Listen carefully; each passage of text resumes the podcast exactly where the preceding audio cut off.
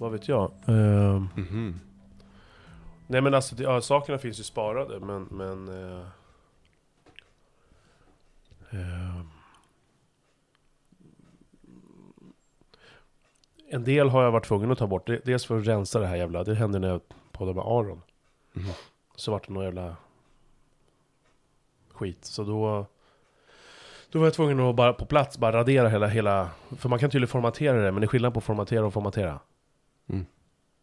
Så att han bara, nej men du kan inte bara gå in och bara ta bort filen, du måste verkligen formatera kortet. Jag bara, "Jaha." Så jag gick in och liksom manuellt tog bort en fil, en fil, en Ja. fil.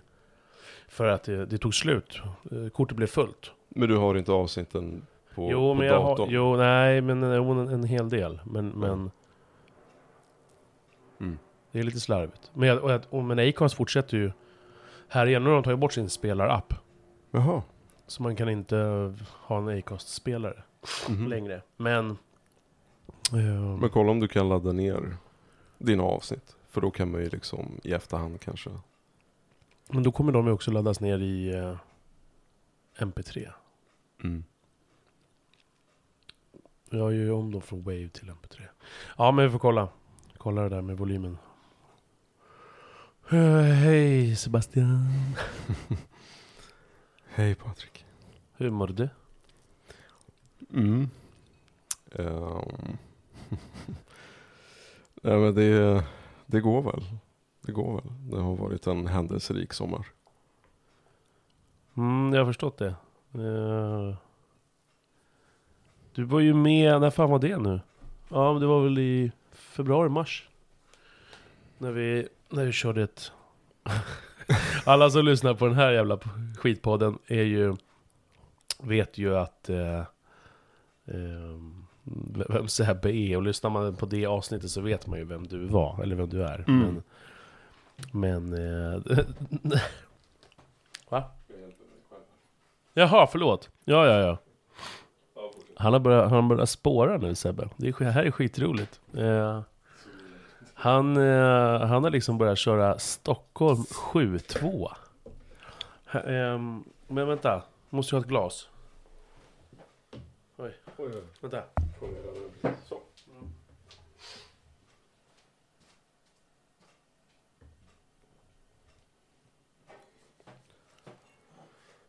Oj, oj.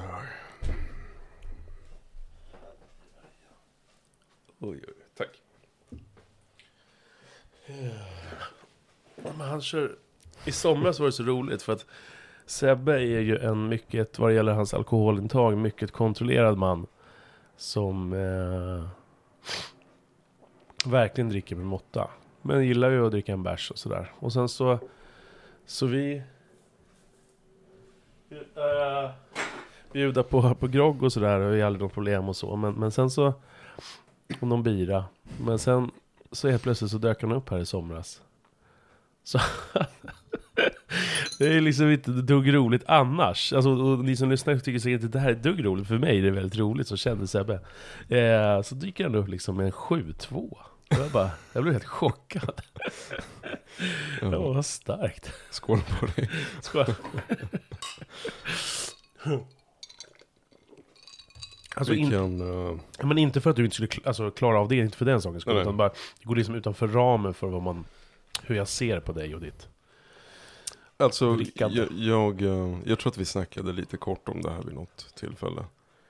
Något avsnitt. Ehm, att det är så här. Jag har inte... Jag är inte... Sen, sen går det att diskutera kring det, vad är en beroende person och så.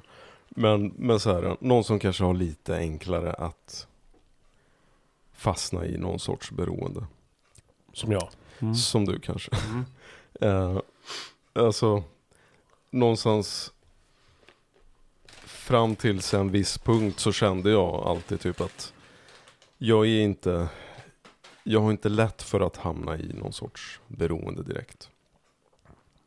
Men eh, sen var det här ett par år sedan, och jag tror, just det, jag tror att det var det vi snackade om i avsnittet. Att jag eh, fick en rejäl dipp. Ja, brände ut mig. Kommer du ihåg det? Att vi snackade om det. Jag har en höst. Ja, exakt ja. Och sen så... Sen det, var det, det... det, var två, det är två år sedan. Det är två år sedan. Mm. ja. Och så var det... Um, vid ett tillfälle som jag eh, drack ett glas bubbel. Och så bara typ hände det någonting som jag liksom aldrig riktigt har upplevt förut. Att jag, eh, det- jag kände mig, jag mådde ganska bra av det. Så att jag tog ett glas bubbel och tankarna bara tystnar och kroppen slappnar av. Du hade inte tagit alltså alkohol innan eh, i, i, ett sånt state of mind? Nej, alltså, eller ja, det var ju en ganska ordentlig dipp liksom. Ehm, men jag har aldrig druckit för att fly undan någonting eller, eller för att dämpa någonting. Uh, och jag drack inte det där glaset med bubbel för att dämpa eller fly. Utan det, bara bli, det, bara, det var nästan som att det var bara så här av händelse som jag drack ett glas bubbel och bara observerade effekten av alkohol. Och insåg där och då, alltså jag har inte direkt haft svårt att förstå varför folk dricker, men det blir ju något annat när man fattar själv och upplever det vissa andra kanske upplever. Ehm, så det blev någonstans ganska tydligt där för mig så här. Oj, okej. Alltså nu fattar jag verkligen varför folk kanske fastnar. Och att alla, alltså även om jag såg på mig själv som en person som aldrig skulle hamna i något beroende. Um, så, så var det bara något, jag blev lite ödmjuk inför den tanken efter det liksom. Så här, um, man kanske ska ha lite respekt för när man kanske dricker eller alltså vad det är som gör att man hamnar i beroende liksom. Um, så, men det var bara en intressant grej med, med alkohol och, och, och kopplingen om man spolar fram här nu till, till uh, min Dina 72 parkbänksbira. Ja just det. Mm. Eh, precis. Som jag eh, dricker här nu. Ehm, och kanske lite kring sommaren här nu. Eh, och vad som har lett fram till, eller så här, det här året kanske man ska säga. Så det är inte så att jag, jag, jag dricker his, hiskeliga mängder. Men absolut, det jag kan säga är väl att alkoholen har ju faktiskt varit nödvändig, kanske man ska säga. För att eh, innan jag blev pappa så kunde jag lägga mig efter jobbet en halvtimme till en timme på soffan och meditera och slappna av. Men jag har inte den tiden nu för tiden liksom. Ehm, och är man uppe i varv eller det är väldigt mycket som händer i livet så så kanske alkoholen är en sorts genväg för att snabbt komma ner liksom i varv. Det är ju tyvärr så. Ja, tyvärr. Alltså jag tänker också att vi har ju pratat om alkohol många gånger förut, men det är ju någonting som vi, som vi skäms för så mycket. Och jag, och jag har ju själv så här, när du säger det, min farsa sa det en gång så här, ja men om du, om du kommer hem en fredag, jag jag kommer aldrig glömma det. Han Mm. sa det, jag vet inte när det var, vi snackade om alkohol någon gång, det här är säkert 10-15 år sedan. Men om du kommer hem och du känner att du måste ha den där på fredagen, då är det inte bra. Mm. Och, och jag har burit med mig det, eh, dels som en så här skamkänsla då när jag själv känner att jag verkligen behöver eller bara vill för att jag gillar att, att festa och dricka och, och känna mer och stressa ner. Mm. Det är en, en, en eh, potpurri av olika anledningar. Men, men, men samtidigt så, vad fan ska vi... Ja, det är om man tycker att man tycker att det är slött och, och att man är lat då för att man inte kan hitta ett annat sätt. Att, men jag menar, i ditt fall då så, så finns, det en, finns det en anledning. Och det är väl ändå rimligt så här. Och är det så jävla fult? Måste det vara så? Vi är så jävla bra på liksom... För vi gör det ju ändå, det är det någonstans här. Vi som kultur dricker ju mycket. Och så gör vi det samtidigt som vi hela tiden har ångest. Och det är så här, vad fan. Det var någon som sa till mig en gång så här, men vad fan, om du nu väljer att göra ett dåligt val, alltså Mm. äta något skräpmat, ät, eller, eller dricka en cola eller vad du nu känner så här, som, som är dåligt för dig. Ska du göra det och dessutom ha ångest, då är du ju fan dum i huvudet. Ja. Eh, men liksom så här, vad fan, men- gör du då med bra samvete? Men det är klart att alkoholen är speciell för den, den på alla sätt och vis på hur man blir och att det skadar kroppen och kostar massa pengar och bla bla bla. Självklart. Men, men jag tänker någonstans att om man kan få ett lugn. Jag ska bara säga en, sån en läkare sa till mig en gång, eller jag läste om en läkare för när, när jag började för drygt tio år sedan. Eh, började röka lite cigarr då och då. Då gick jag in och, och, sökte mycket på det där. Mm. Så här, cigarrer drar du inte ner, du gör ju inte halsbloss som du gör med. Och jag har aldrig varit en rökare så att ja, per automatik så drar inte jag ner skiten. Mm. Så att det är bra för förutsättningar. Um, cigarettrökare är ju fett tråkiga att röka cigarr med oftast för att de gör per automatik att de drar ner skiten. Men, men hur som helst. ehm, då, stod, då hade en läkare, någon hade skrivit så att min läkare sa så här att om du nu, det får dig att slappna av Mm. och du röker en cigarr varje fredag. Mm. Eller ett par gånger i veckan, jag kommer inte ihåg exakt vad det stod. Då kanske den, den, the benefit liksom Yes. av det, att du kan komma ner i varv. Mm. Du kan lugna ner dig. Du kan slippa liksom saker. Gå lite jämnt ut. Sen om man slår ut det, beror på hur mycket man dricker. Då. Dricker man som jag så det, kommer det inte vara nyttigt. Ditt tror jag är plus minus noll. Så tänker jag att vad fan, det, vad, det ska, vad ska man gå runt och ha ångest över det? Och, och den poängen tror jag är värd att ta upp liksom att för stressrelaterade sjukdomar ökar ju för varje år liksom. Och då är ju frågan om du kanske kan hålla nere stressnivåerna något av att ta den där helgbiran när du kommer hem eller glaset vin. Så är det ju som du säger, det kanske jämnar ut någonting. Men, men jag tänker också så här, motivet till varför man dricker är ju självklart bra att prata om. Alltså det indikerar ju ändå någonting tänker jag. Så här, om du måste, vilket jag tänker indikerar också varför vi har så mycket psykisk ohälsa i vårt land. Det är ju många faktorer så att det är inte en enkel fråga. Men man är så stressad liksom. Alltså vi hamnar ju hela tiden i någon sorts låst läge i vardagen. Då, alltså man bygger upp sitt liv på ett sätt som, alltså jag anser att människan inte riktigt har gjort genom historien. Alltså du har ditt jobb, du har dina ungar, du har inte, du, alltså vi, vi tar ju själva hand om våra ungar. Vi har inte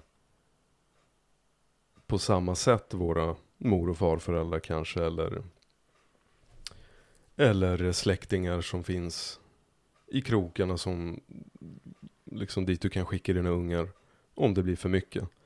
Alltså vi har ju väldigt mycket att bära på individnivå och kanske familjenivå. Um, och så ska du hinna med en massa andra hobbys och du ska förverkliga dig själv på det som förälder. Och, så jag tror att det finns ganska mycket i det här samhället som, inte, alltså, som också leder till hets och stress och press och krav. Um, och då kanske vi har någonstans, alltså om inte det är antidepp så är det alkohol. Um, vilket jag tänker kanske i, i kulturer kring Medelhavet då. Man dricker ju kanske inte för att främst lätta på stressen. Jag, jag vet inte, det, det kanske kan vara den delen också men oftast blir det väl att du, du samlas med din familj. Du har mysigt, du äter länge, du sitter och dricker. Alltså det blir någon sällskapsgrej snarare.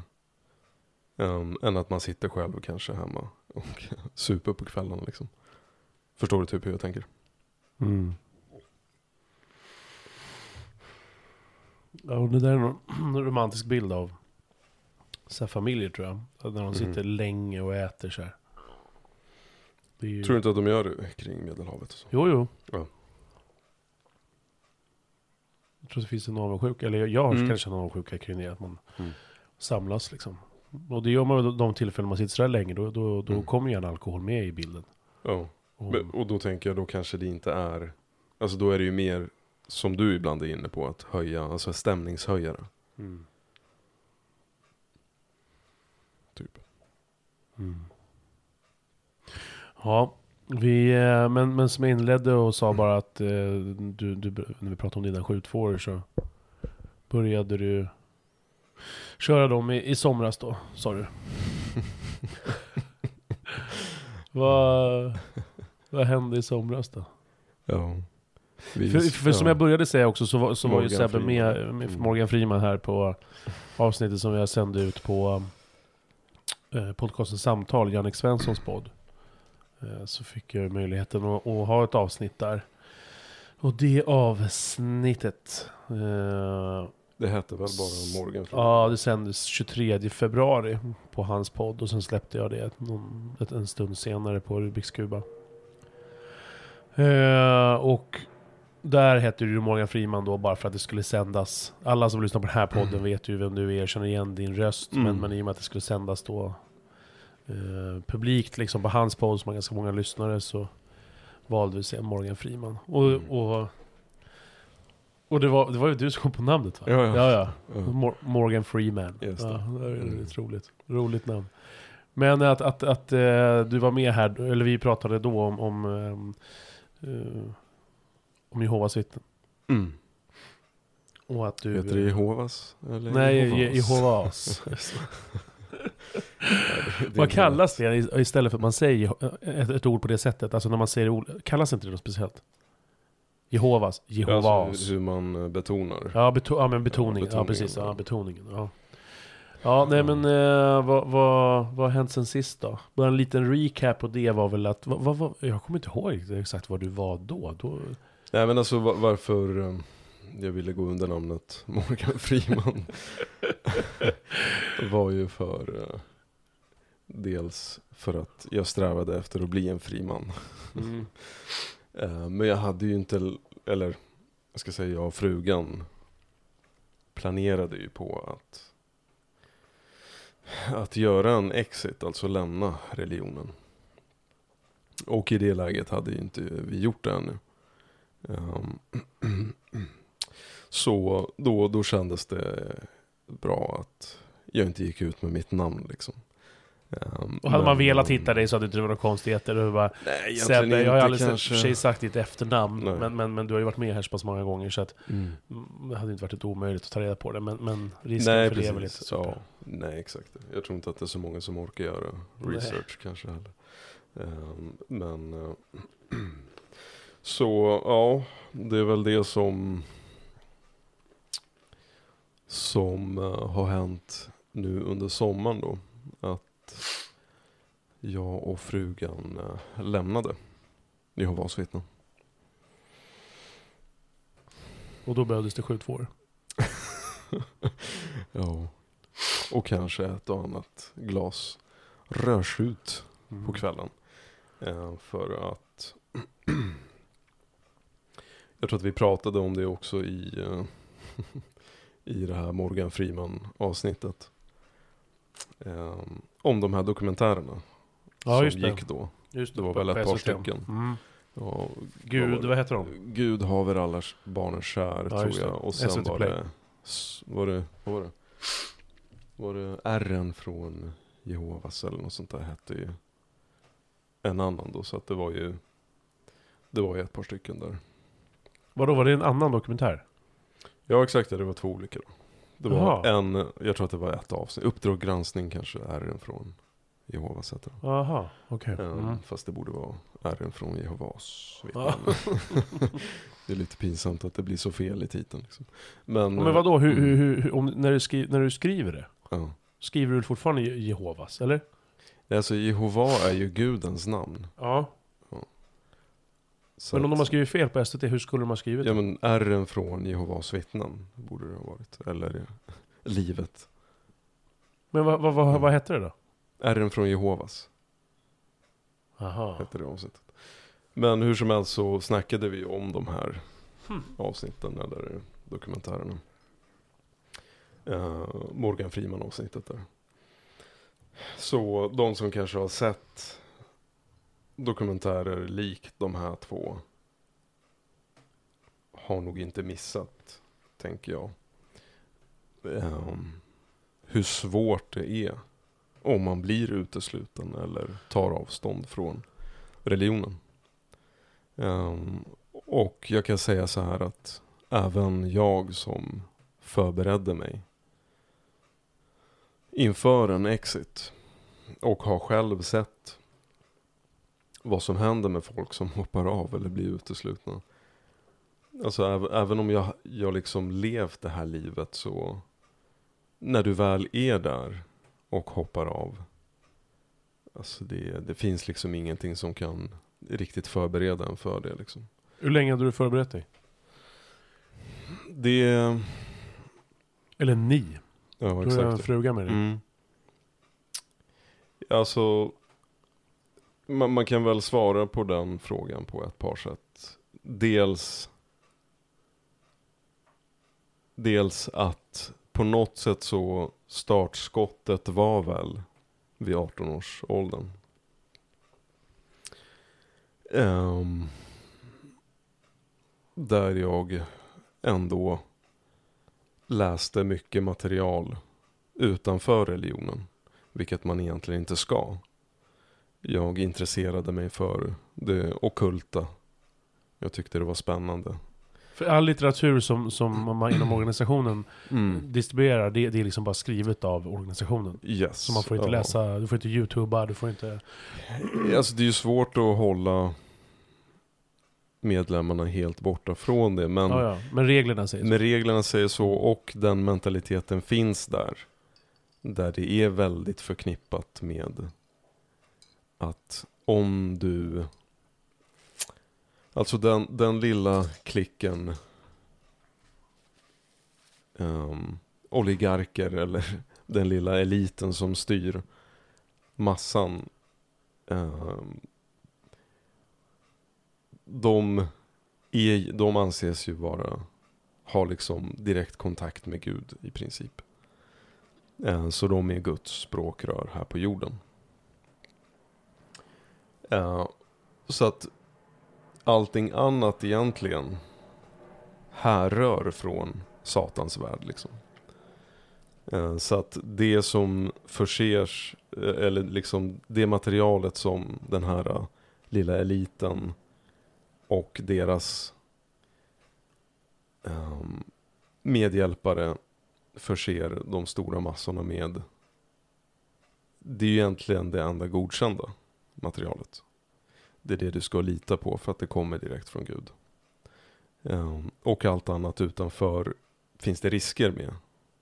Och det är mänsklig vishet eller ja, ehm, sånt som ändå inte leder någon vart i det, i det långa loppet. För att idén är ju att du ska överleva domedagen som kallas för Harmageddon och sen så ska du ju kunna överleva till den nya världen, paradiset. Och eh, i synnerhet kanske om man är uppvuxen i det här så blir det ju någonstans ganska naturligt att inte titta utanför. För att det blir så starkt förknippat med med vägen till helvetet. Fast de inte tror på helvetet. Men undergång kanske man ska säga. Um, De, mm. när du väl, alltså... Har, har du trott på helvetet? Eller inte trott på helvetet? Då? Har du Um, följt samma... Alltså Jehovas vittnen tror ju inte på ett helvete utan Nej, man dör. men- När man dör så dör man bara liksom. Ja, och om Men, det är inget, men paradiset då? Ja men det, det beror på hur du har levt. Men den är också, det är så här, de här frågorna är så komplexa. Det finns Ja, jag vet. Ja, jag vet. Så att ja. ibland kan det vara att om någon tar livet av sig, oavsett hur den personen har levt, så tar man livet av sig så nollar det alla synder. Och då får du ändå uppståndelse i paradiset. Det är, det är så komplicerade grejer. Men hur som Ja. helst så... ehm, Det var mer bara min fråga om du liksom hade, om du följde deras, den, den skrivna berättelsen. Om du följde den till Ja, punkt alltså- och pricka. nej, inte till punkt och pricka. Men, men där kring 18-årsåldern så... Så breddade jag ju väldigt mycket min syn på Alltså min, min tanke om Gud. Um, gott och ont och, och uh, jag gillade ju väldigt mycket det här lite mer flummiga kanske eller abstrakta i österländsk religion. Vilket också är ganska brett att säga så men, men, men någonstans kanske mer betoning på att Gud finns inom mig. Um, vilket inte riktigt är Jehovas vittnens syn utan Gud finns, alltså han är högst närvarande men han är väldigt utanför dig. Um, det är mycket mer idéer om att lyda än att du ska själv växa och få en... Klart att de, de idéerna finns också, att du måste um, stärka din relation till Gud. Och att du ska ha en personlig relation med Gud. Men det är väldigt mycket fokus på de som styr. Så att så länge den här lilla gruppen som styr och, och förser medlemmarna med information och, och doktriner. Alltså om de, du, du må, det, är ju, det är ju deras ord egentligen som är lag. Så att de kan ju säga en sak ena året. Bara för att ändra det nästa år. Och igen ändra det året därpå. Så måste, det, det är ju det du måste följa. För att annars så tror du inte på Gud eller då har du ställt dig på Satans sida. Så att egentligen någonstans så finns det inte det, det är klurigt det där med en personlig relation till Gud. Det är mer att du måste följa de här gubbarna i New York. Um, snarare än, än din idé om en gud liksom. Um, men hur som helst så vid 18 års ålder där så, så hade jag det var mycket som förändrades i mitt sätt och mitt förhållningssätt till religionen liksom och eh, lärorna. Och några år därpå så, ja men när jag var ton, ja, yngre tonåren där så, så var det väldigt mycket män som hoppade av religionen. Um, många män som brände ut sig, inklusive min farsa liksom. Um, och min morfar han brände ut sig, alltså många, många år innan det. Uh, och många jämnåriga killar som hoppar av eller blir uteslutna. Brände ut sig alltså på något sätt i kontakt, alltså i relation till religionen eller? Ja men exakt ja, alltså, alltså jag såg någonstans Jag såg någonstans hur mycket arbete Som typ så här egentligen inte har så mycket att göra med Bibeln. Oavsett vad man tänker om den liksom. Uh, men, men att det, det var väldigt mycket om titlar. Det var väldigt mycket att klättra upp liksom i rang. Och det... Bara när jag tittar tillbaka på min egen barndom. Så undrar jag ibland så här. Alltså, hur i hela friden pallade vår familj det? Alltså uppenbarligen pallade inte vår familj det för att farsan brände ut sig och mina föräldrar skilde sig och så Men, men det är alltså bara för att snabbt dra ungefär hur, hur det kunde se ut. Liksom när jag var 7, 8, 9. Ända fram tills dess också. Men, men då bodde vi i Märsta. Eh, en förort till Stockholm. Ni som inte kanske vet vad Märsta är för någonting. Men, och, och, då kunde vi liksom åka, Jag så tänkte jag så här, man går i skolan som vanligt. Så när man kommer hem så är det alltså på en vecka så är det alltså tisdag. Då åker vi in till stan. Så att från, från att du kommer hem på en tisdag efter skolan så ska man käka, duscha, byta om till finkläder packa väskan med sångbok och, och bibel och litteratur. um, och sen så ska vi gå till busshållplatsen, åka buss till tågstationen och åka in till stan. Och gå en bit till Rikets sal, som kyrkan heter då. Och hela den processen att ta sig hemifrån till Rikets sal gick ju på ungefär en timme. Och mötet börjar klockan sju och håller på två timmar. Och min farsa är äldste broder där och då Och äldste broder betyder, var ett överhuvud eller? Ja, alltså det, det är ofta en handfull äldstebröder i en församling då. Och de ser till att allt funkar och Ja. styr och ja, så vidare. Eh, Så då, eftersom han är äldstebroder så har han alltid, i princip efter varje möte, så har han ett extra möte med de andra äldstebröderna. Som kanske håller på en halvtimme till en timme. Och därefter ska vi alltså åka hem en timme. Så att jag menar, vi var säkert hemma vid elva tiden. Och sen efter det så ska du ta någon kvällsmacka och gå och lägga dig. Och så ska du upp till skolan morgonen efter liksom. Och samma procedur på torsdagen. Och för att man ska vara ett duktigt Jehovas vittne så ska du också gå och predika. Alltså gå från dörr till dörr. Och då var det ibland to- eh, onsdagarna som vi gick kanske en timme eller så i, i krokarna.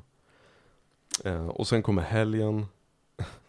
Och då är det ett två timmars möte på söndagen. Och på lördagen så är det ibland tjänst också, eller predi- att man går och predikar. Uh, ja just det, och på fredagarna så hade vi ett familjestudium så vi satt ungefär en timme och gick igenom litteratur baserat på deras tolkning av Bibeln. Liksom. Alltså det här, det här är utöver det normala människor har att göra. Så det är ju som att man har ett extra liv på det vanliga livet. Alltså det, det är helt bisarrt när jag tittar tillbaka och bara så här. Nu när jag själv har en, ett barn, en, en dotter. Alltså jag skulle aldrig palla hålla på så. Jag vet inte hur, hur orkar Mm. man liksom. Eh, så att jag, såg ju de här grejerna som en 18-åring där. Och tänkte typ tillbaka på ja, några år där innan där så många män brände ut sig eller hoppade av och familjer gick i kras. Alltså det där vill inte jag hålla på med. Det var den känslan som liksom som eh, fyllde mig någonstans. Att det är så här, jag kommer inte hålla på med det där. Dels för att jag naturligt också inte är en sån som strävar efter titlar eller, eller eh, så. Ehm, och och det, det sjuka i, i det här någonstans är ju att allt det här är ju ideellt också. Så att man får ju inga pengar för det. Men eh, så jag, jag tror att när, när jag var jag ville pausa en stund. Ja, vänta, håll en tanke bara. Ja. Eh, ja, så Sebbe. Eh, vad var du? Ehm, det är alltid så här med dig Patrik. Ja men, Jag skojar bara. förlåt. Ja. Nej men så, så jag tror någonstans att jag tidigt bestämde mig, ja men så här kring 18-årsåldern att, att eh, jag kommer inte köra fullt ut, jag kommer köra mitt race liksom. Så att eh, för mig var det ju, alltså jag hamnade ju där ganska fort i, i uh, slacker-facket. Som, som, alltså om man är ett Jehovas vittne och man så förväntas det ju extremt mycket av en liksom. Och det där märkte också församlingsmedlemmarna sådär att du var en jävla slacker eller? Exakt ja. Så att, eh, och så ska du vara en kille som tas på allvar så får du ju inte ha lugg. Du får inte ha lite långt hår, du måste alltid ha kavaj på dig och slips, slipsen ska sitta åt helst. Och du ska inte ha vilka finbrallor som helst på dig utan eh, så det, det är ju klädkod, Skulle de här, lo- de här lockarna du har nu? judelockarna. Ja men de är ju verkligen sådär som det ser ut Ja. som kläder. Vad, vad kallas de som judarna har? Ja, jag kommer inte ihåg. Men, Nej, men så här riktiga skruvar. Ja, ja. ja precis. Ja du, du, får så när du får så Ja. långt hår. Det, där skulle inte vara okej eller? Nej, nej, det har aldrig varit okej. Ja, och sen skägg också. s- Är ju big no-no. Men nu, nu skiter du i allt, nu kör Nu på skiter jag i allt. Ja. Precis. Ja, Ja. förlåt. så, nej men, så att man kan, man kan nog säga så här att startskottet var kring 18-årsåldern. Um, ehm, men, men problemet där, jag snackade här för no, någon månad sedan med en kompis som hoppade av kanske en 11 år sedan någonting. Alltså han lämnade också Jehovas vittnen typ 11 år sedan. Så snackade vi lite minnen och sånt där. Och att eh, ja, när jag var ungefär 18 så, så snackade vi en kväll ihop. Och, och så sa jag någonting typ så här att eh, alltså jag vill, jag vill hoppa av. Så jag ville inte vara till oasiten längre. Bara helt out of the blue. Ja, men alltså jag, jag kunde snacka med honom så han var schysst liksom. Eh, och då sa han på skämt liksom att eh, ja men säg till om du hoppar av så gör vi det tillsammans. Men sen blev det ju ingenting av det. Um, och så gick det många år och så hoppade ju han av självklart. Men, men mitt problem kanske kring 18-årsåldern var väl att ja, men man var deprimerad, bodde hemma, hade inget jobb. Alltså, Gick vad ska jag göra? Vad sa du? Gick inte du i skolan fortfarande? Nej, jag 18. hoppade av. Jag hoppade av. Ehm, och så, så någonstans var det typ så här. Vad ska jag göra liksom? Jag känner ju inte till något annat liv. Um, och jag ville ju ändå hitta någon tjej liksom. Um, någonstans vart det så här, man har alla sina polare där. Uh, så att det är det är inte bara att hoppa av liksom. Ehm, men så man stannar och sen så hittade jag en tjej och det är min nuvarande fru. uh, vi gifte oss tidigt. Så vi blev tillsammans 2006 och sen gifte vi oss 2008. Ehm, och sen kan vi spola fram.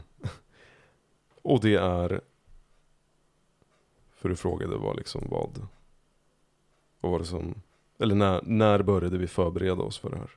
Mm. Så, så på ett sätt så, så fanns det ju hela tiden där, sen ungefär 18-årsåldern. Men när jag blev pappa, 2014. Alltså, det, det förändrade ju extremt mycket. Ehm, vill du pausa eller? Du Nej, nej, in, nej, nej. Säga någonting? Nej, utan jag ville bara... Det är bra när du är sådär nära. Mm. Du, det är bra. Okej. Sådär är bra. Eh, Så... För det är ju en sak att köra sin grej liksom. Ehm, på egen hand eller ja, med frugan men jag kör min grej. Eh, jag är inte så himla aktiv kanske. Man sitter på, eh, på mötena där på kyrkan, Rikets sal. Man sitter och googlar på grejer. Um, kollar upp saker. Stämmer det här som de säger och så vidare och så vidare. Alltså man kör sin grej och sen efter mötet så har jag mina polare där. Det finns ju massa sköna människor där. Så att, um, och så kan man hänga med dem efteråt och ha trevligt och så här. Men sen så får du, eller ja, jag ska säga jag, blir pappa. Och så förväntas jag att ta med henne dit. Och så ska hon sitta och lyssna på det här från spädbarnstid egentligen. Få in den rutinen. Hur, hur gammal var du när du blev pappa? Uh, ja, tjena hejsan, vad blir det? 2014. Hur gammal var du då? Jag vet inte. Jag Du är född 86? 20, 24 kanske? Ja, okej. Nej. Ja, ja. Nej, men jag tänker, Men, så, så du, eh, du har ju tvivlat på det här. Du har ju tvivlat på Ja. det i sex år då. när du väl ska börja förväntas att ta med henne.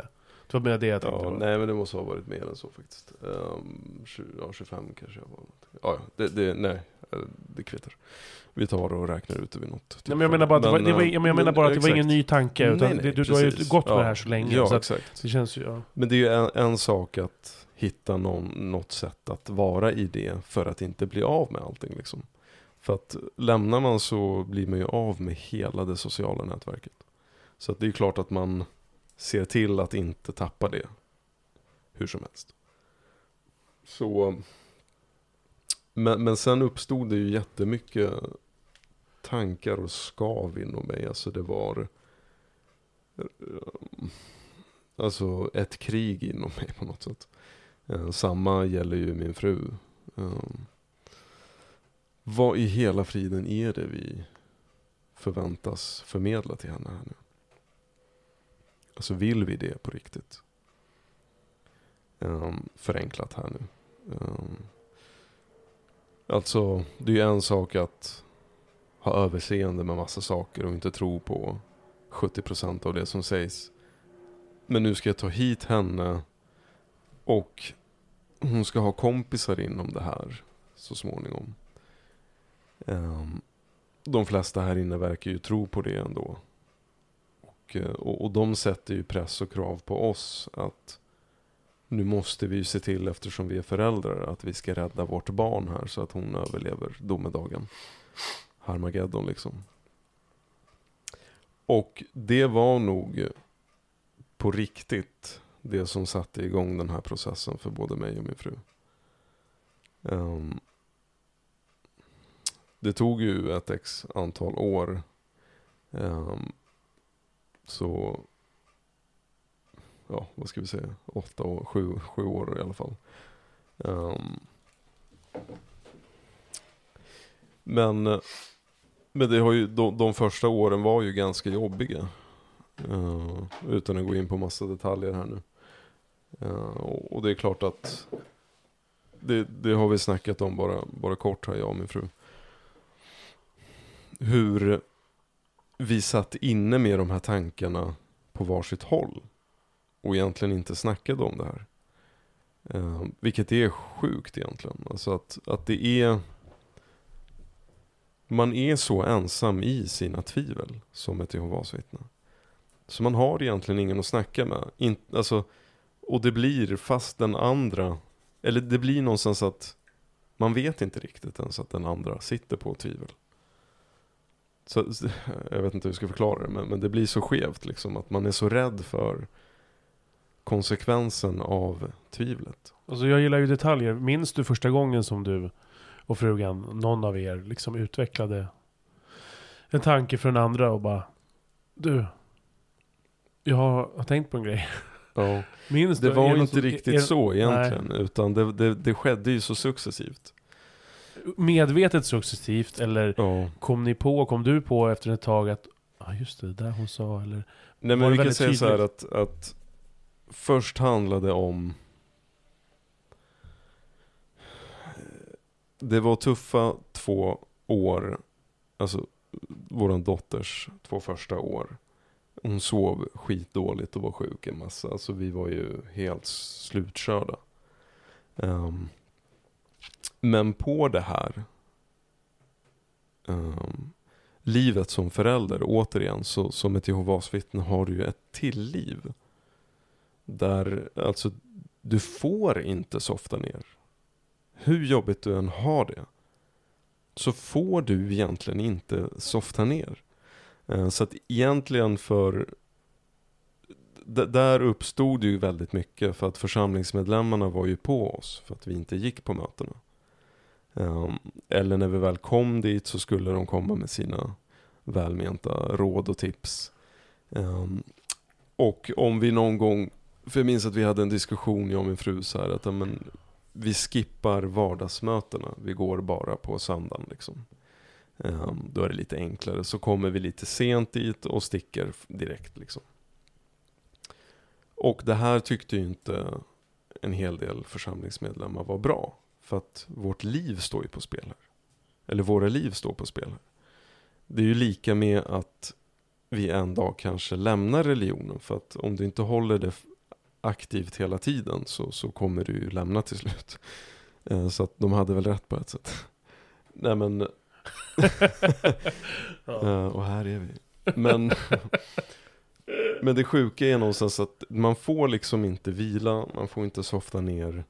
Utan du förväntas ju gå i tjänsten, alltså predika och gå på alla möten och vara aktiv. Ehm, så att det var nog där det började ske en förändring. Alltså vi började prata om de här sakerna på ett annat sätt, jag och min fru. Um, och hon var ju väldigt slut där. De två första åren och tre åren kanske.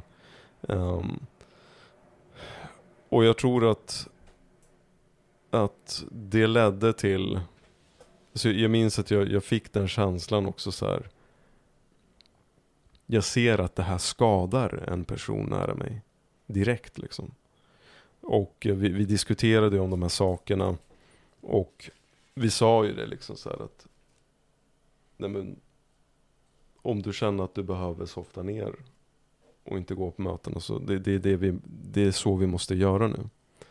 Um, så att jag, jag tror att det var grejerna kring vår dotter egentligen som började luckra upp Eh, här- de här samtalen. Men sen gick det ju ett par år och eh, min fru slutade helt att gå på mötena. Ehm, och som sagt, jag utelämnar vissa detaljer. Ehm, men, men mycket hände i alla fall. Och vi började prata till slut om de här sakerna. Ehm, och sen kanske ett par år tillbaka då så så började det gå åt det hållet att ja, men vi kanske ska lämna det här. Ja, Men sa ni det uttryckligen? Ja, Frugan. alltså för att då hade vi flyttat till ja, där vi bor nu då. Ehm, och då hade, jag tror att det var ett par år tillbaks där. ja. Då var det några kompisar till oss som hade lämnat. Ehm, Och ni reagerar aldrig då? På, på det sanna Jehovas-sättet då? När, när, när ni har folk omkring dig? Det, det har jag aldrig ens tänkt på. Inte Så mycket som vi har pratat om det här. du menar under min, Ja. min Ja men fram, fram tills typ i somras att du bara så här. Det finns ingenting i dig på något sätt. Du har alltid behållit människor omkring dig som har valt att lämna. Det har aldrig Det beror så. på vilken det har varit. Alltså om det är någon bekant som jag Ja men om någon, träffade någon du inte gillar, gång. men om det är människor du Ja, ja. gillar som har lämnat under alla de här åren. Än, Ja, ända sedan du var alltså, ja. tonåring mer eller mindre. Ja, det är, det är en hel del som jag har behållit kontakten med. Ja, Sen har de flyttat kanske eller varit något helt annat i liksom plats i sitt liv. Men att då har man skrivit kanske på Facebook och sådär. så där har du ju varit Judas också på så sätt. Ja. ja Alltså, men det- det du har inte följt, du har inte följt Ja. reglerna där alls. Nej, nej precis. Ehm, Det gör dig så mänsklig Sebbe. ja. ja men det, det ja. Jag vet inte, blev allt det här snurrigt? Jag hoppas att folk fattar ungefär. Jo men det tror jag. Eh, men alltså hur, om vi spolar fram till idag då. Hur... Vad hände i somras? Nu när du, ditt accelerera, accelererande... Eh, liksom promillehalt excel- eh, alltså gick överstyr. Alkohol, Alkohol. eller intagning. Intaget Intaget, öka så mycket. Vad, vad, vad, vad, vad hände i somras? Och, och... För jag vet ju att du hade lagt upp en långtvarig plan. Alltså, så här, Sebbe är ju, Ja. vi är ju varandras motsatser vad det gäller impulsivitet, planering Mm. och, och så vidare. Och det... Jag är väldigt avis på Sebbe för att han är så otroligt planerande och, och duktig på att lägga upp långtgående planer för allt från att liksom när han ska gå på toa till att han ska välja, eh, välja att lämna Jehovas så, så har, lägger han upp en plan. Så du, jag vet att du har skrivit ett jävligt långt brev. Mm. Och det, jag, ska- jag, ska jag skäms ju över det faktiskt. För att, men det, det är sådana grejer som bara händer. Du får skicka det till mig igen. Du Mm. skickade det till mig någon gång i Mm. somras. Och jag Ja. har faktiskt inte läst det. Förlåt mig Sebbe. Jag klandrar dig inte. Det var ett långt brev. Ja, men jag Mm. bara av nyfikenhet för att förstå, förstå exakt vad du... Ja, vad du formu- hur du formulerade dig. Men, men, men vad, vad... Hur gick det med det här brevet då? Blev det så? Ja, alltså det... Jag tänker så här, all, allting kring...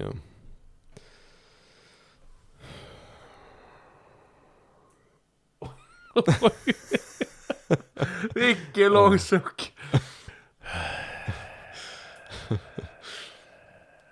Nej men det, det, jag tänker bara så här, det, det kommer bli så stökigt om jag ska försöka dra hela den grejen här nu. Ja, men dra Ja. konsekvensen då? Vad, Ja, ja, av, det, på något sätt så kom det ut i alla fall till, till era familjer. Ja, precis. För alla era sen, familjer är eh, av naturliga skäl med i Just det. den här Mm. get together Just det. Ehm, och ehm,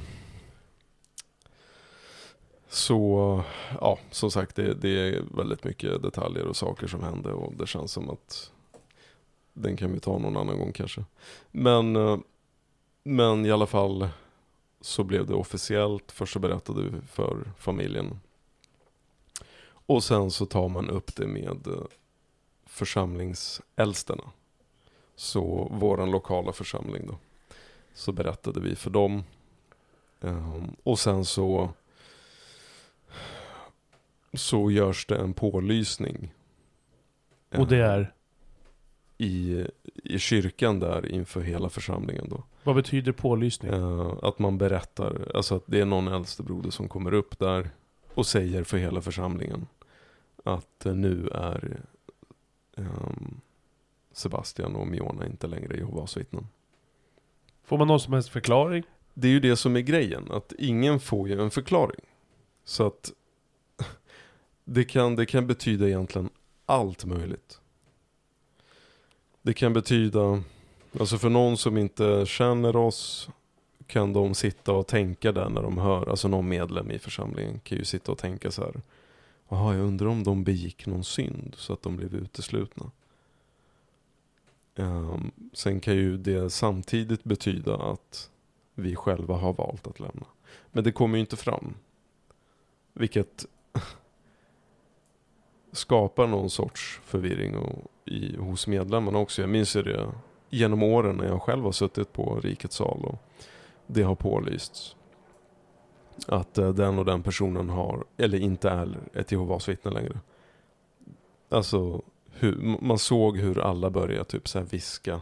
Sen var det ju alltid någon där som kände personen som visste vad som hade hänt. Och sen så började det liksom diskuteras sinsemellan medlemmarna och sådär successivt. Men, eh, men vi gjorde ju, jag och min fru, alltså man måste ju försöka ha humor i det här sjuka. Så. Men, vänta, förlåt, men får jag bara fråga. Ja. Vore det inte enligt den här gruppmentali- liksom, logiken någonstans det här med att vi ska veta vilka som är, som är, är riktiga judas och inte och vilka som liksom eh, är rätt och riktiga och vilka som är åt helvete fel personer och lever i synd.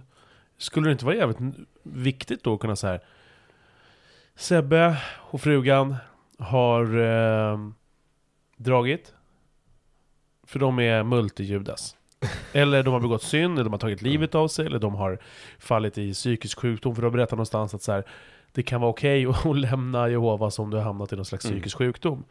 Skulle det inte kunna vara viktigt då för medlemmarna som sitter där, ett x antal hundra, hundra eller vad det nu är, tiotal, eh, oavsett hur många det är, för att kunna liksom relatera, veta, när, när de stöter på varandra, för oftast bor man väl, jag menar, ni som åkte till den församlingen åkte till, var väl människor som ändå bodde varandra ganska nära och sådär eller? Ja, i, inom några kommuner. Ja, så men så, så att stöta på varandra inom samma stad är ju inte omöjligt. Mm, nej, nej. Så vore det inte rimligt då att veta att Sebbe stack för att han så att man kan någonstans förhålla sig till Tänk om det hade varit så att ja, men du, du har blivit schizofren Men det Och spelar ingen roll.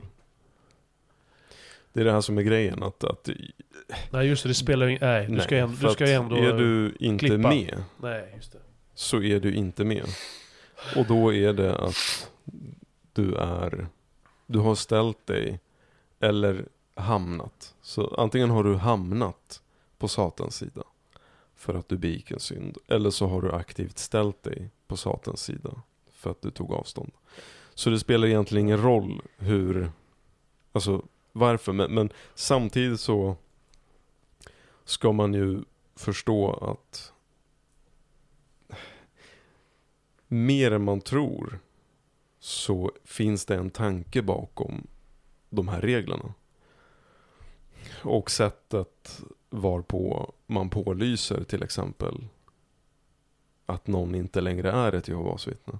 Alltså det skapar ju en viss stämning i en församling. Som gör att du blir orolig och osäker och börjar tänka Mm. Oj. Vad är det som har hänt egentligen? Var står jag någonstans här i relation till alla de här Så, sakerna? så det, är, det är en regel alltså, att man inte får veta exakt vad det beror på. Det är en regel ända från New York.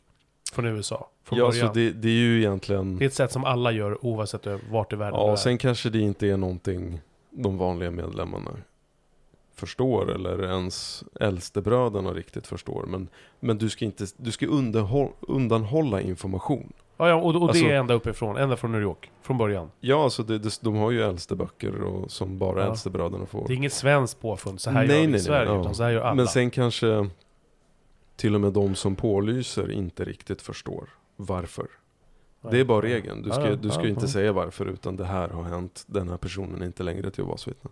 Men jag menar så här, psykologiskt vad det gör. Mm. Ja, jag förstår. Vilket liksom är typiskt för högkontrollerade sammanhang. Det är att du, måste, du ska undanhålla medlemmarna information. Dels för att kunna kontrollera enklare men också skapa någon sorts förvirring och osäkerhet. Du ska känna att det är det finns något, någon fara här liksom, men du kan inte riktigt identifiera vad det är. Skål. Skål min kära Sebbe. Var var vi ens någonstans? Jag vet inte. Men i alla fall, vi hade, det blev officiellt, det pålystes. Och så tog vi eh, skärmdumpar på mobilen. Ja, just det. Eh, så antal Facebook-följare och Instagram-följare. Och, och det här gjorde ni när, när ni visste att det pålystes? Ja, precis samma dag innan Ja, ja. Okej. Och, Och eh, så gjorde vi en liten tävling. Så här, vem tappar flest följare? Eh, och och det, det försvinner ju. Ja men nå- nu, nu har det ju liksom lugnat ner sig. Men det försvinner fortfarande kanske en, två i veckan. De, de senaste veckorna. Eh, men bara på, på en, två, två veckors tid tror jag. Så försvann det ju eh, fem, ungefär 50 personer. Eh, för dig? för mig. Och så jag tror att det var uppemot en 70 kanske för min fru. Så frugan leder? Så frugan leder på Instagram i alla fall. Um, Men, men, men förhållandevis till följare, äh, det spelar för sig ingen roll för, för person, antal personer som personer. Men, Mm. men hade du ett större konto än hon? Hade du fler följare? Ja, exakt ja. Men sen har ju, har ju hon ett privat konto. Och det, det är lite olika algoritmer just det. där också. Ja, just det. Så det är fusk. Ja, just det. Ja, men, ja. Men, eh, Mm. men ändå, det är bara, jag tror att nu är hon uppe i, var det åt, kan det ha varit 80 pers eller något? Men, men det är vad, helt sjukt vad, vad känner du med det? Vad, alltså, Mm. du visste ju det, eftersom ni uppenbarligen Jo. gjorde det här från den Mm. dagen. Men kan du känna, jag vill ställa en ledande fråga nu. Kan du känna någonstans, och nu knyter jag liksom en näve så här. Jag menar att du liksom känner så här. Fuck you då. Nej men alltså så här, nej men inte fuck you, Mm. fuck you, men, men så här. Känns det på något sätt minsta lilla bra? Att du ändå så här, att det någonstans bekräftar de tankar, alltså, det är ju det är ju halva ditt liv sen som du började på riktigt känna att det här, jag, jag måste Mm. lätta. Mm. Halva ditt liv Sebbe. Mm. Ja, det är sjukt. Jag har svårt att känna mig om, om det är en middag. Om när Mm. man känner sig obekväm. Ja. Men jag förstår, det här är så mycket större. Alltså jag, jag försöker inte Mm. på något sätt minimera eller alls. Men, men, men Mm. det, det, och det kanske också talar lite mer med ditt, om ditt tålamod tänker jag. Eller som, du som person jag har ju ett otroligt tålamod. Tror inte du att det har spelat roll? Kan det, kan det ha varit en nackdel? Om du hade varit du vet, mer impulsiv, hetsig som jag. Mm. Du måste ju finnas, det måste ju finnas några Patrikar i den här organisationen. Eller blir man så jävla nermald? Mhm. Någon som bara ställer sig upp och bara vad håller du, vad snackar du om? Alltså grejen är den att det finns mycket folk. Det finns typ så här gamla MC-gängsmedlemmar som har blivit Jehovas vittnen och ändrat sitt liv helt och hållet. Ehm, faktiskt till det bättre liksom. Ehm, så, och det finns ju mycket Är det, är det haram att åka motorcykel eller? Nej, nej, nej det är inte. men, eh, men att det är så här, det finns ju alla möjliga olika typer. Um, och jag vet inte, jag, jag tänker eh,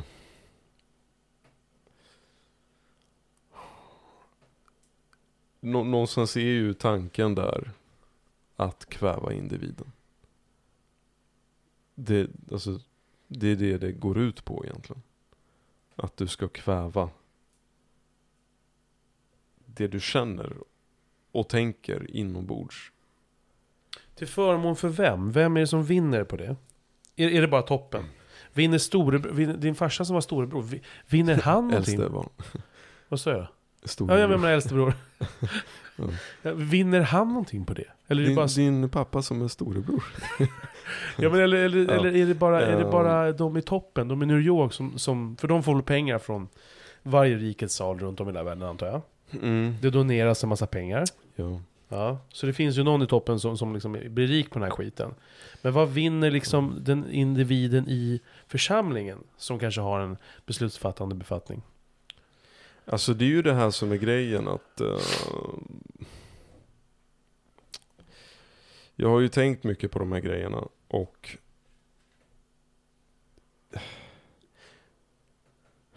det, det är klart att du får en viss auktoritär position. Det blir någon sorts maktposition Och, uh, om du klättrar upp i en församling till rollen som äldste. Men ärligt talat så är det långt ifrån ett privilegium. Alltså det är långt ifrån verklig makt. Alltså egentligen, återigen så ska du ju ändå, så- alltså som man i den här organisationen. Alltså,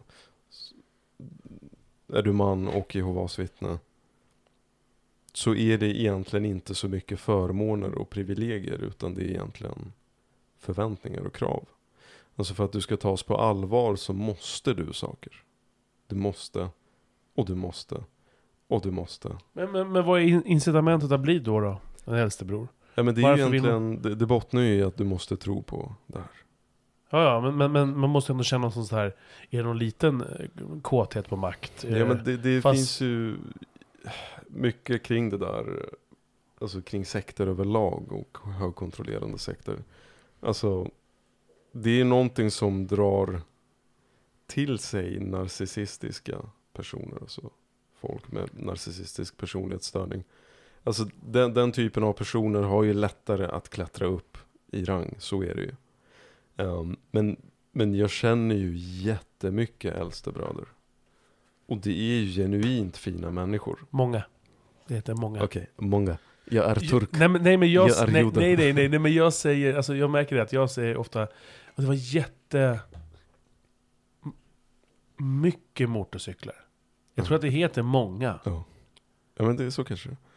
Ja men, eh, jag tror det. Okej, jättemånga äldstebröder Och, och då känner kommer, jag. men då kommer jag ställa en fråga också som du kanske tycker Ja. att det är för personlig. Men var din pappa narcissistisk?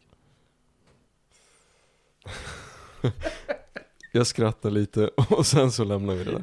Men vad heter det? Gå vidare. Ja, gå vidare. Ehm, Nu gick jag över gränsen. Nu gick jag för långt. Ja. Ja, förlåt mig. Och du vet att jag inte klipper heller, så vi, vi väljer, väljer att bara ignorera Ja, frågan. just det. Alla har förstått den. Ja, Nej men, jag fick ändå ut mitt Ja, mål med den frågan. Ja, tack ska du ha. varsågod. Ja. Ehm, jo, nej men jag känner så mycket äldstebröder som är genuint, alltså de menar väl och de vill väl. Men eftersom det här på riktigt inte är någon det, alltså, du vinner egentligen inte. Okej, det, det enda så här. Jag kan säga så här, om det här skulle vara sant. Låt oss säga att Jehovas vittnens tolkning, det är på riktigt sanningen. Ja, då förändrar det ju allting. Då är ju det faktiskt ett privilegium att vara en äldstebroder. Um, ehm, maktposition kanske kan man debattera, men, men typ att du lever upp till förväntningarna och kraven som finns på män. Ja, det kommer ju säkerställa din räddning. Det kommer ju göra att du kommer komma till paradiset. Men eftersom det här högst troligast inte är sant. Ja, då kämpar du egentligen ideellt och du tar livet av dig nästan för ingenting. Så det, alltså jag ser ju på rollen som äldste broder som en fälla som är högst skadlig för män. Men varför tar de den då? Det är väl för, det är en att de villfarelse. tror. De tror att det ska vara Ja, någon typ av makt. Om du nu inte är, eller men det, det kan ju fortfarande vara, även om du är narcissist så, så, och du strävar efter att få någon sorts auktoritär position där du kan peka med hela handen. Men det är väl ändå någon slags auktoritär position. Jag tänker att du har det, det lilla du berättat Ja. sådär att nej, men man går till dem om man har eh, frågor eller tvivel eller har syndat och sådär. Det, det är Mm. Ja. väl ändå någon slags, alltså gå dit och bikta lite, lite. Ja. Det, det är väl ändå Men de är ändå i den rollen. fördömande eller pekande. Absolut, men, men i den rollen så tvingas de att följa. Alltså Ja, de är ju Alla ännu... Ja Alla men de är, men så här, alltså den vanliga medlemmen har ju ändå någon sorts, som jag, jag kunde hamna i slacker-rollen. Alltså till slut så ingen brydde sig liksom. Men är du äldstebroder? Alltså ta till exempel om, om man är äldstebroder och man har en familjemedlem som lämnar. Då har du alla, alltså som lämnar religionen. Då har du allas ögon på dig. Du kan inte vara flexibel i det. Utan du måste, för att du, du ska vara ett föredöme. Du ska vara den som är förebilden i församlingen. Så att det är ju många som har blivit av med sin äldste titel ifall deras son eller dotter eh, hade sex innan äktenskapet. Så att om du inte har koll på ditt hushåll så kan du bli av med den här titeln. Ja, vi kör lite paus där och Sebbe sa att jag vet inte exakt hur sammanhängande det här blir. Men, men vi har pratat mycket om det här och sen så är det, är, är det ju svårt och du, du är inne i... Jag kan ju konstatera som vän, Sebastian, min kära vän. Ehm, vi har pratat mycket. Den här sommaren och, och jag ser ju på dig hur du har lidit, liksom hur jobbigt det här har varit. Och ehm, eh, det här sitter jag och ska försöka under sommaren eh, tar emot alla dina känslor och så sitter jag där i, i, med, med, med, med med, med, med, mitt, eh, med min impulsiva, svåra, det ska inte handla om mig, men jag försöker ändå förklara bara hur det har varit för mig och, och liksom försöka så här stötta. Jag har verkligen försökt göra mitt bästa och vara en bra kompis, men, men det är svårt när man, allt det här du pratar om, allt från liksom reaktioner till, eh, om du har tidigare berättat om tatueringar eller, eller hur, hur man förväntar sig att barnen ska vara där eller vad, vad som är okej innan giftermål. Allting det här liksom bara får min ryggmärgs eh, reagera med, med, det är svårt alltså. Jag tycker det Mm. är svårt. Eh, och jag har levt så olika liv och, och, och det, det är svårt också att se någon bredvid sig som man tycker så mycket om.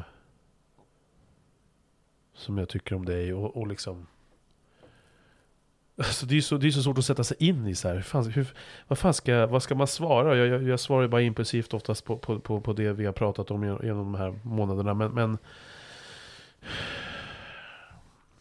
det har varit svårt. Det har också varit en Mm. prövning att så här, försöka vara stöttande på bästa sätt och vis och vara en bra kompis. Eh, men också så här, genuint svara dig med, med dina, med dina eh, känslor och förehavanden, eller vad man ska säga.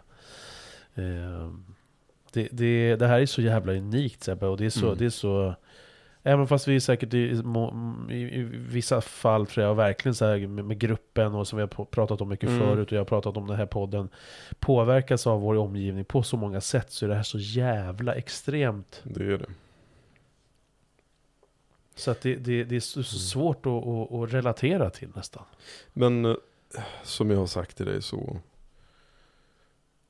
Det har varit fint att ha dig där. Och jag vet ju.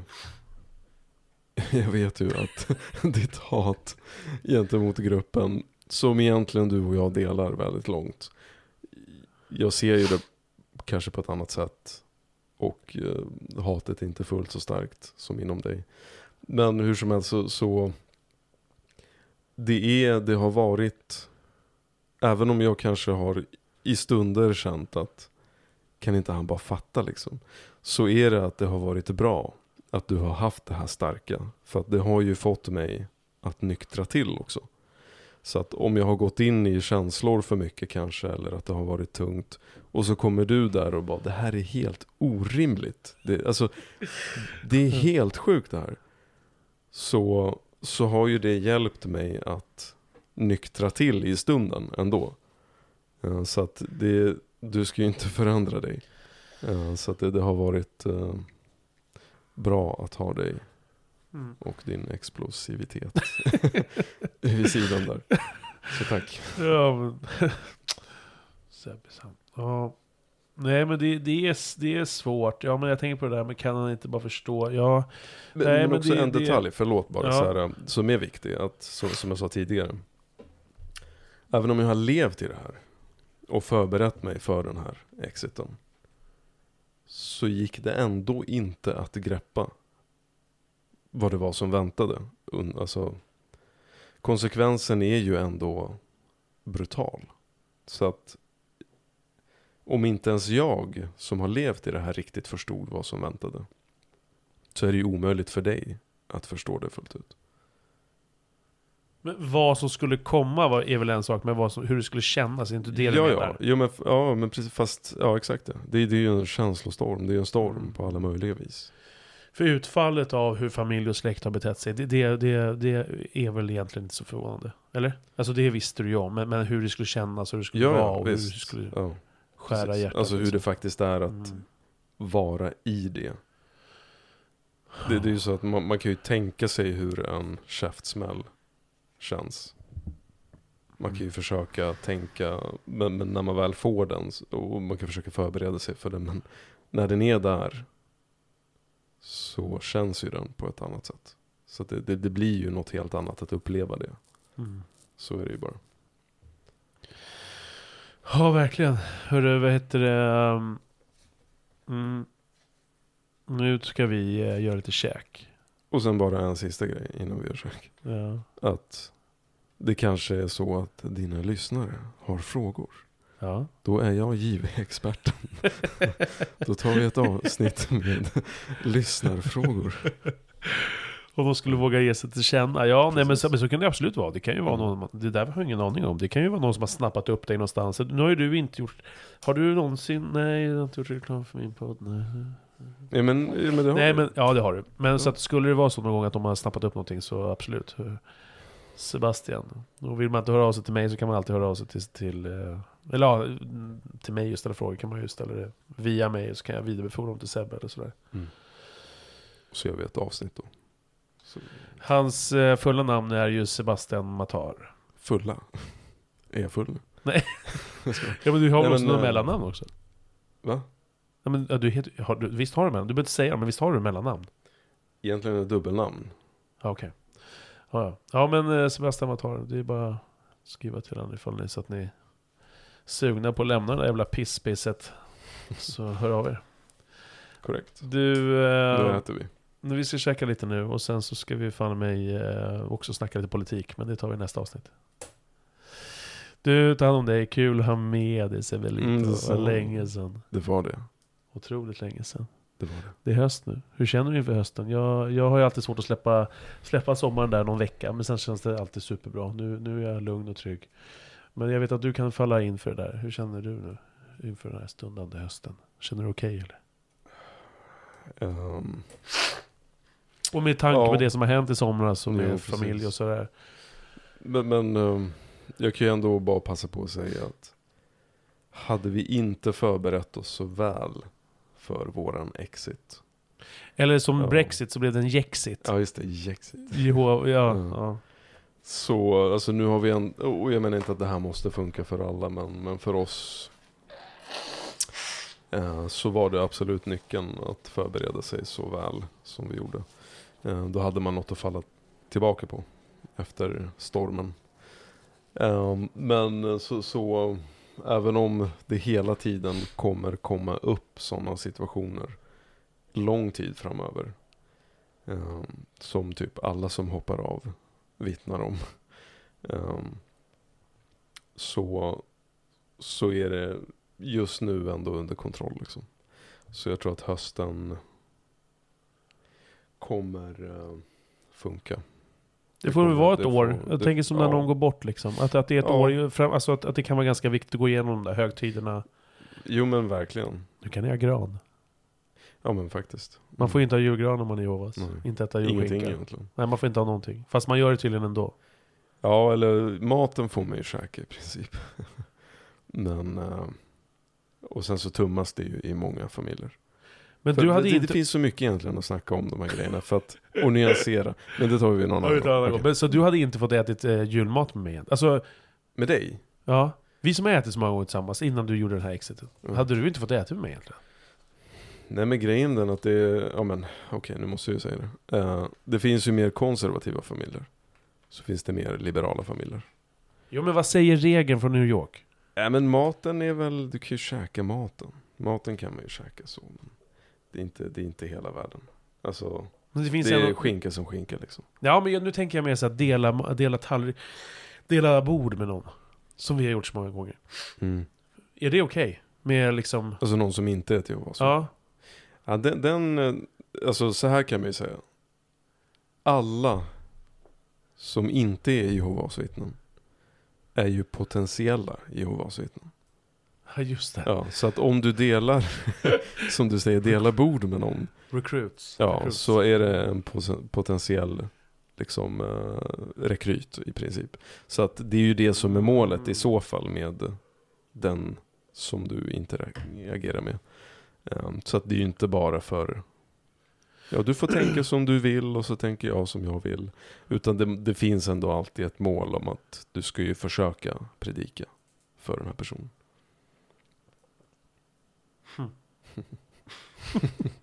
Sebbe, sista fråga då. Ja.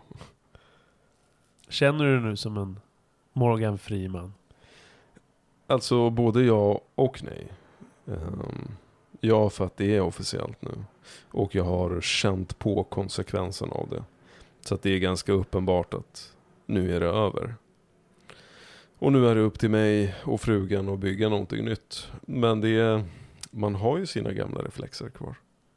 Alltså, och just de här konsekvenserna som får det att kännas så verkligt att man har gjort sig av med det är ju någonstans ändå också vad som påminner en ständigt om det livet. Så att det är ju lite tudelat. Eh, men, men som sagt, det, det får ju ta sin tid. Man får ju, som du sa, att eh, det är ju ifall någon dör så man har ju sin sorgeperiod eller eh, man går igenom de där högtiderna eller vad det nu kan vara. Vissa minnen. Så att det där kommer ju inte komma runt. Jag vill ju en, säga En tid, liksom. att det finns någon slags gloria omkring det nu. Men jag, jag, jag, jag inser att jag tr- tror till 95% att det är en fabricerad. Men jag vill ju så gärna tro. Men har det inte alltid funnits runt mig? jo, men, men att, du just, att, du, att det lyser någonting extra om dig. Men Mm. jag vet inte om det, om det är forcerat för att liksom... Nej men det är klart att det... Men, men, men det är någonting ändå som, som eh, trots att jag vet din är det. sorg också, så ändå Mm. någonstans så här, att det finns någon relief i det liksom. Absolut, så är det. Eh, Så det är väl en blandning. Och det Mm. kanske gör att den här eh, auran kanske växer med tiden i Mm. takt med att du må bättre i det här. Mm. Ja men det tror jag. Du Sebbe, tack för att du var med idag så, um, så hörs vi snart igen. Det gör vi. Ta hand om dig. Du också. Hej.